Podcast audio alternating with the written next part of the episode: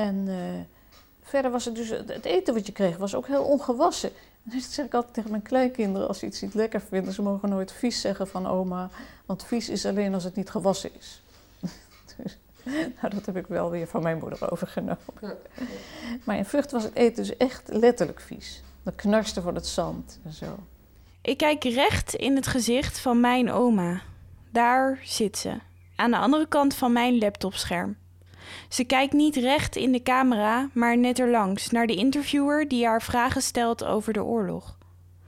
Er tikt een klok op de achtergrond en ik moet onwillekeurig lachen als ik mijn opa op de achtergrond stilletjes hoor kuchen. En dan wordt mijn aandacht getrokken door iets wat ze zegt. Want ze noemt een bekende naam. En wat ik me ook nog goed kan herinneren, is dat is ook wel een bekende man geworden later, die beeldhouwer Job Zwertheim. Later was hij bekend als uh, directeur van de Openbare Kunststichting, Openbaar Kunstbezit, Johan G. Wertheim. En dat was een vriend ook van mijn ouders. En die had in, uh, in Westerbork een, zelfs een atelier en mocht dan al die hoge pieten uh, beeldhouden. Die had daar een heel mooie buste staan van Samson. Dat was onze baas. En hij beeldhouwde daar dus. En ik weet ook nog wel dat we daar wel eens de avond doorbrachten. Dat we er gingen eten. Dan hadden we blijkbaar allemaal spulletjes bij ons. En uh, dan ging de fluit. En dan moest je, dat was de eerste fluit, dan moest je, kon je nog net het hele kamp door om je barak te bereiken. En dan bij de tweede fluit moest iedereen binnen zijn. Wertheim, Jobs. De man die bevriend was met Anton van Straten en Eva Compris, de ouders van mijn oma. Toen Jobs vermoorde vriend Anton niet terugkeerde, maakte hij een grafmonument. Het grafmonument van de familie van Straten. Nou, het is een uh, jonge naakte man die uh, uh, schuin omhoog kijkt en, verschrikt of verdrietig en ja, een negatieve emotie, zeg je dat zo? En, mm -hmm. en met zijn arm gebogen en vuist tegen zijn hand naar beneden. Ja. En dan op een grote witte steen met erop hun die omkwamen, haar die volhield. Maar en zegt tekst, dat jou iets? Nee, die tekst vinden we allemaal niet zo. Nee. Zo begon ik mijn zoektocht maanden geleden. Met een vage omschrijving en het monument van Joodse erkentelijkheid dat was toen voor mij een even wazig beeld. Alleen stippellijnen waren er, meer vragen dan antwoorden. Want waarom? En hoe? En wie? En nu, zoveel maanden later, met wat blijf ik achter? Met meer vragen dan antwoorden. Toch heb ik het gevoel dat ik de stippen langzaam aan elkaar heb verbonden door te zoeken naar antwoorden. En er kwamen antwoorden, Antwoorden die een complexe realiteit schetsten, vol met onvolmaakte en beschadigde mensen. Dit heb ik gedaan totdat de contouren van het monument langzaam begonnen op te doemen. En ook al blijven er altijd meer vragen dan antwoorden, ik weet dat mijn zoektocht bijna is afgesloten. Er zijn nog maar een paar stippen die nog aan elkaar verbonden moeten worden voordat ik het kan loslaten. Dus ik duik nog één laatste keer in de archieven op zoek naar antwoorden. Op zoek naar verbindingsstreepjes, op zoek naar het verleden, het heden en de toekomst.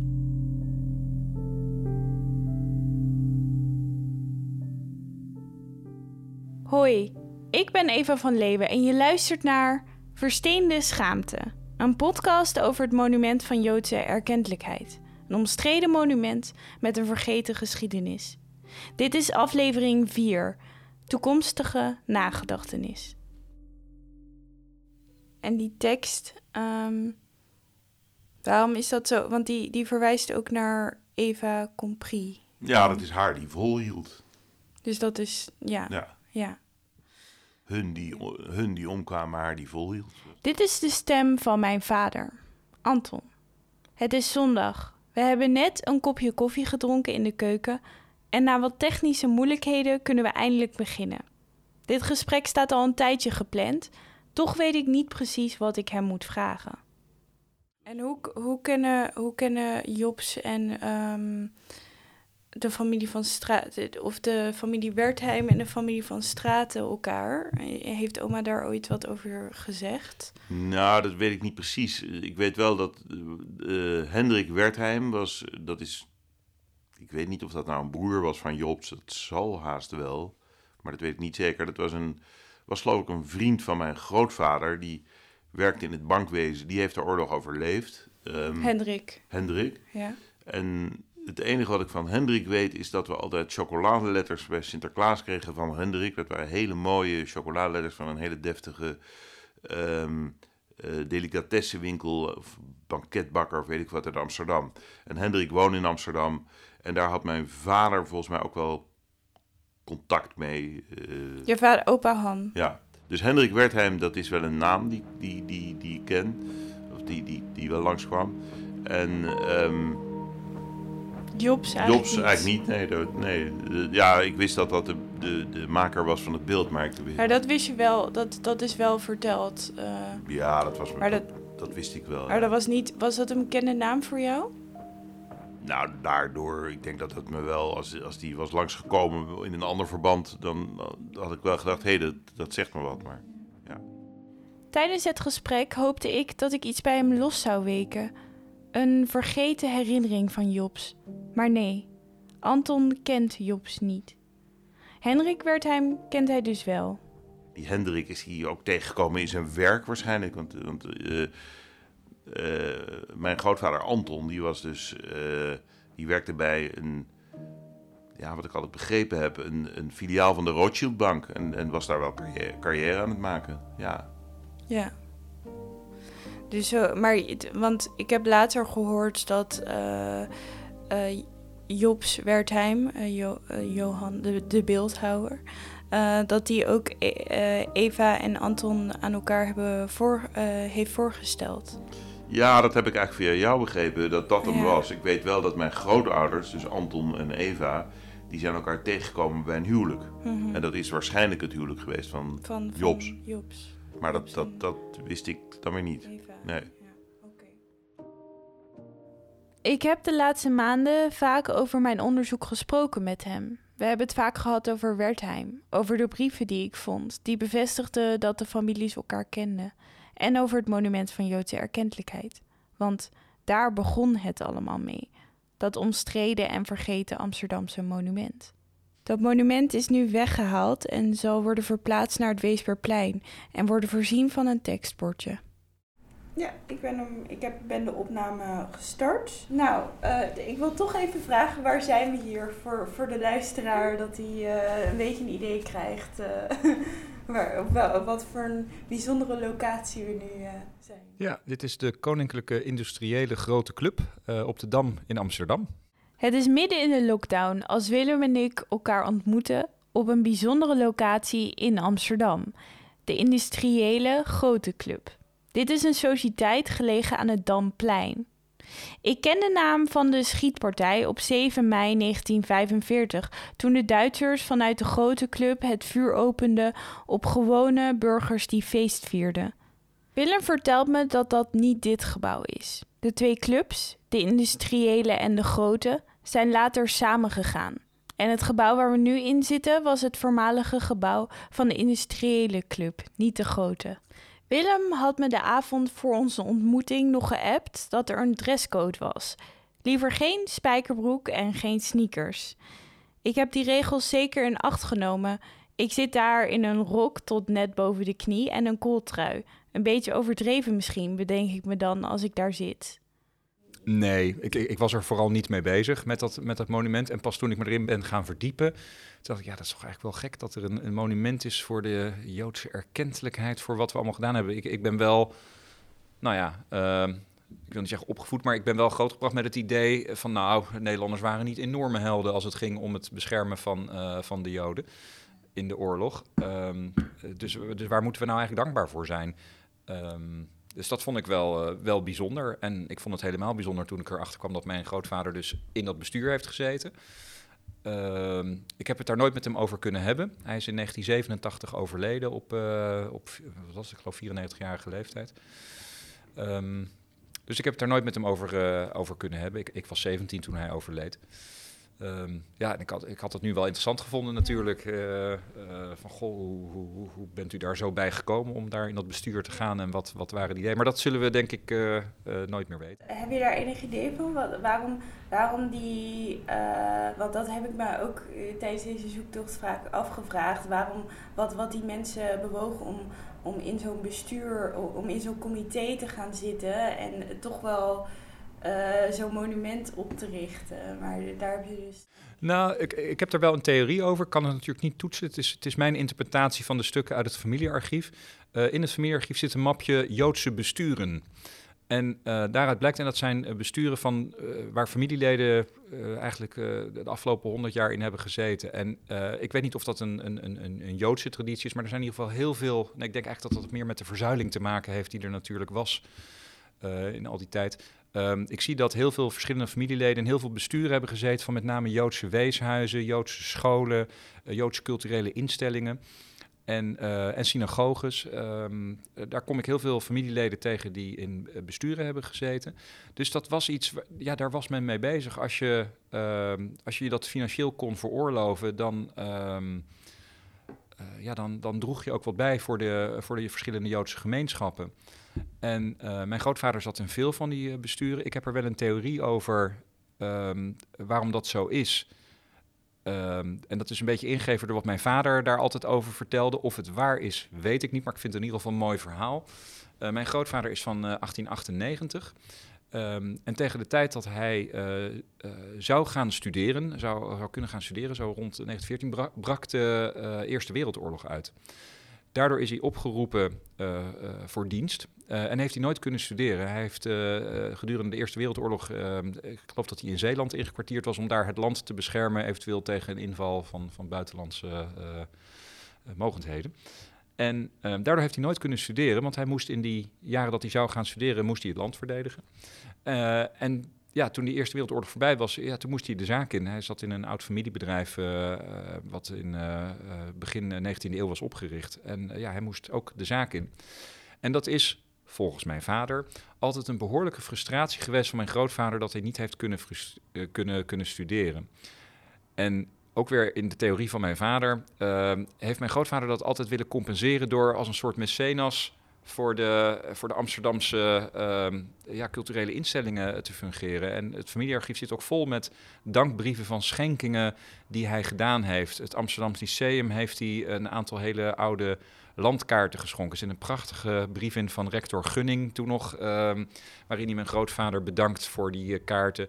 Eh, er zitten dankbrieven in van eh, verschillende eh, synagogen die, die hem bedanken voor schenkingen. Ehm, het Stedelijk Museum, dat is een heel, daar is een hele lange band mee. Daar heeft hij veel schenkingen voor gedaan. Daar heeft hij ooit ook de zilveren anjer voor gekregen. Ehm, dus ik denk dat mijn grootvader heel erg zocht naar erkenning. ter compensatie, althans dat is de theorie van mijn vader, maar ik, ik kan me daar wel iets bij voorstellen. Dat mijn grootvader zocht ehm, naar compensatie voor het feit dat hij niet heeft gestudeerd, maar dat hij door als een soort mecenas op te treden wil laten zien. eh, Maar ik doe, ik, ja, ik doe er ook toe. Eh, ook al heb ik niet gestudeerd. En ehm, dat is een beetje de theorie die, die erachter zit. En ik denk dat in dat licht hij ook in dat bestuur is gaan zitten voor dat monument voor Joodse erkentelijkheid. Eh, het was weer een bestuur waar hij in kon gaan zitten. En ook dit is echt speculatief, want ik, ik weet het gewoon niet. Maar ik kan me ook zo voorstellen dat je ook na de oorlog, hè, iedereen was bezig met het land weer op te bouwen. Ehm, nou ja, en dat hij dit een manier vond om daar ook zijn bijdrage aan, eh, aan te leveren. Ehm, ik heb me er wel over verbaasd. ehm, omdat eh, de familie ook in de, oorlog eh, niet ongeschonden door is gekomen. In die zin dat, dat ze via Barneveld naar Westerbork eh, eh, zijn eh, getransporteerd. En uiteindelijk in Theresienstad terecht zijn gekomen. Eh, hun huis, ze woonden aan het Olympiaplein in, in een dubbel appartement, een enorm appartement. Eh, dat is gepulst, eh, dat is ook leeggehaald. Eh, er zijn behoorlijk wat, wat kunstschatten verloren gegaan. Mijn grootvader was een groot kunstverzamelaar. Ehm, gelukkig is een deel van de collectie wel bewaard gebleven, maar er is ook een groot deel echt zoek geraakt. Ik, in het familiearchief zitten ook allerlei brieven aan instellingen waarin hij eigenlijk hopeloos op zoek is naar verschillende kunstwerken. Ehm, en ja, dat, dat, dat pulsen, hij schrijft dat ook in een van de brieven eh, aan de overheid of aan de, aan de stichtingen die zich bezighouden met compensaties. eh, van ja, ik ben gepulst. Eh, ja, dat is nou niet iets om echt trots op te zijn. Hè? Abraham Puls was ook een Amsterdammer die, ja, die de huizen van, van Joodse mensen leeghaalde. Ehm, en dat riepen bij mij wel de vraag op, ja, waarom ga je dan in zo'n, in zo'n bestuur zitten? Ja, daar, ik, ik heb geen idee. Dat, dat is een fascinerende vraag. Waarom ga je dan in zo'n comité zitten? Als je zo geleden hebt, als je zoveel onrecht is aangedaan. We zullen het waarschijnlijk nooit weten, maar de aanname van Willem klinkt plausibel en sluit ook aan bij wat ik je vertelde in aflevering 2.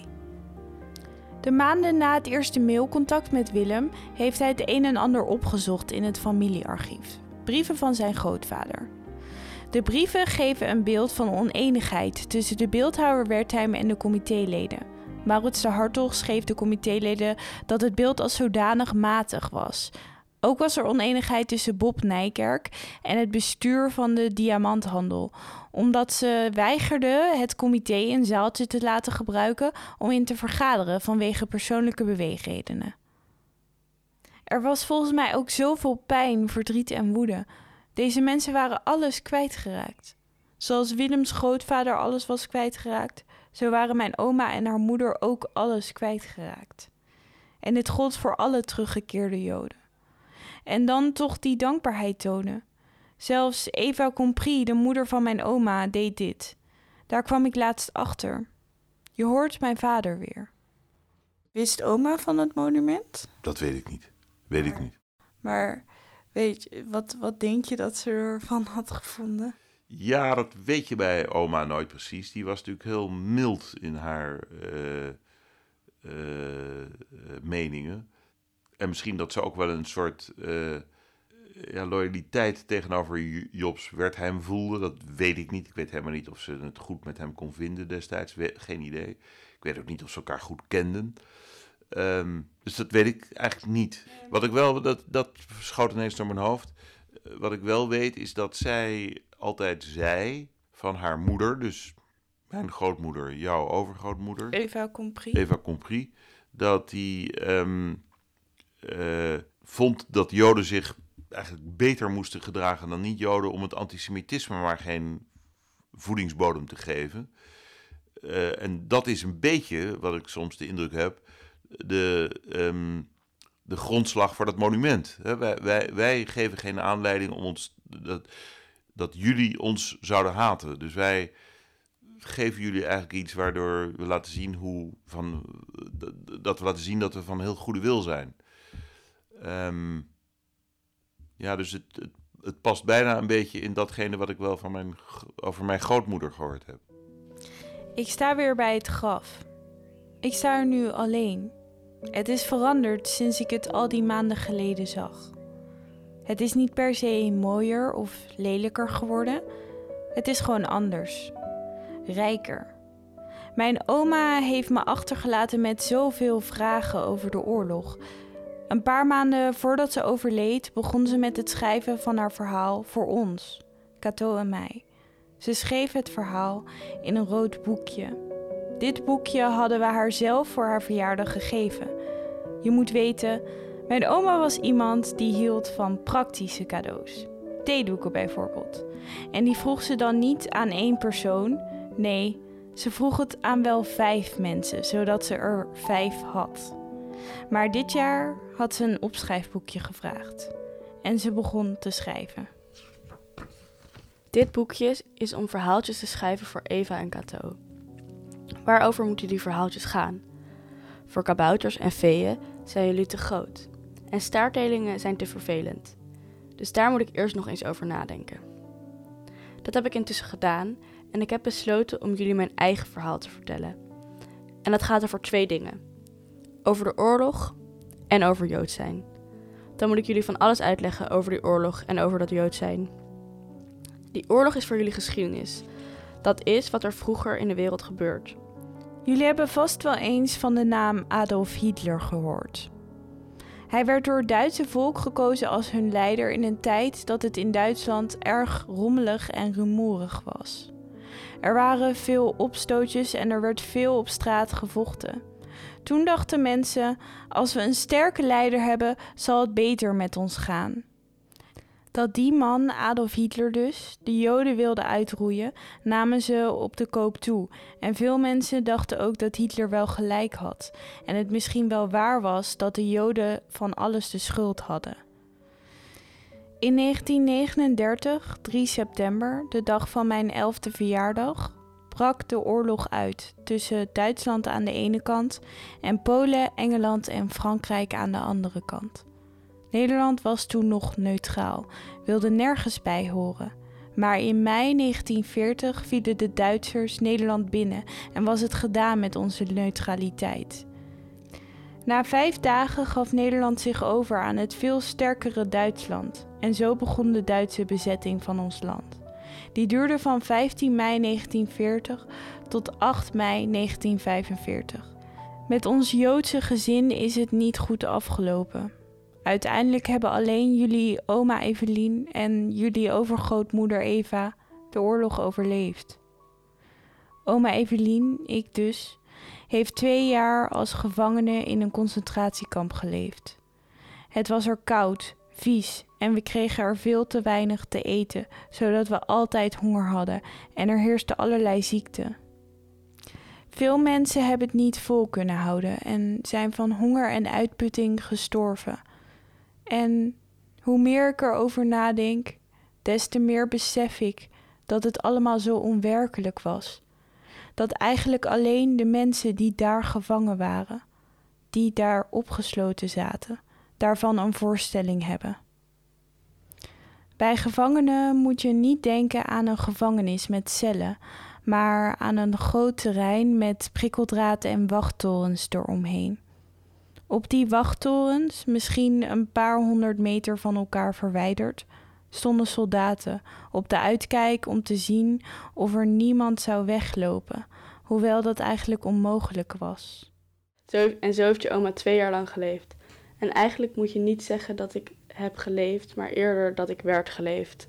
En als je het zo hebt gelezen, wat, wat denk je dan of wat vind je dan? Um, ja, gewoon bizar eigenlijk dat ze dat heeft meegemaakt. Dat het onze oma is en dat, uh, dat die dat heeft meegemaakt. En dat dat zo luchtig eigenlijk, of nou luchtig, maar dat het op papier staat. Maar inderdaad, wat je zegt, wat er ook in staat, we zullen nooit. Je kan wel weten of zo wat er is gebeurd, maar je zal het nooit. Of nee, wat zegt, wat zegt er nou? Je kan wel. Je kan het nooit begrijpen. begrijpen. Ja. Je kan het nooit begrijpen wat er gebeurd is. Hoe het heeft kunnen gebeuren. Je kan het achteraf veroordelen en verafschuwen, morele bezwaren opwerpen, vraagtekens zetten bij de gedachtegang van mensen, maar je kan het nooit begrijpen, nooit voelen en je probeert het wel. Je graaft in je gedachten, je leest je in, kijkt naar films, je leert van het verleden en toch, je kan het nooit helemaal begrijpen. In de context van wat er gebeurd is, van al het lijden en het verlies vind ik het onbegrijpelijk dat het monument van Joodse erkentelijkheid tot stand is gekomen. Ik kan begrijpen welke sociaal-maatschappelijke spanningen er speelden. Ik kan begrijpen dat mensen onbeschrijfelijk hadden geleden en weer een plekje in de maatschappij wilden bemachtigen. Maar echt begrijpen doe ik het niet. Dat kan ik niet, omdat ik het niet heb meegemaakt. Dit was de laatste aflevering van Versteende Schaamte. Het onderzoek, het script en de interviews deed ik zelf, Eva van Leeuwen. Rots in de branding en verantwoordelijk voor de techniek, audiomontage en redactie was Wietke Dotinga. De interviews die je hoorde waren met Willem Nijkerk, Cato van Leeuwen en Anton van Leeuwen. Het fragment van het interview met mijn oma, Evelien van Leeuwen, was van de Shoah Foundation. Mijn dank gaat uit naar alle geïnterviewden van deze reeks: Hinke Piersma, Bart Wallet, Marja Vuistje, Arnold Grunberg, Gerdien Verschoor, Marianne van Praag, Willem Nijkerk, Cato van Leeuwen en Anton van Leeuwen. Met bijzondere dank aan Hinke Piersma en het NIOD voor de ondersteuning bij het onderzoek en aan Willem Nijkerk. Wil je nou meer weten over dit monument en het onderzoek? Bezoek dan onze website www.versteendeschaamte.nl. En heb je van de podcast genoten? Laat dan een fijne reactie achter. Dat helpt ons weer om gevonden te worden door nieuwe luisteraars.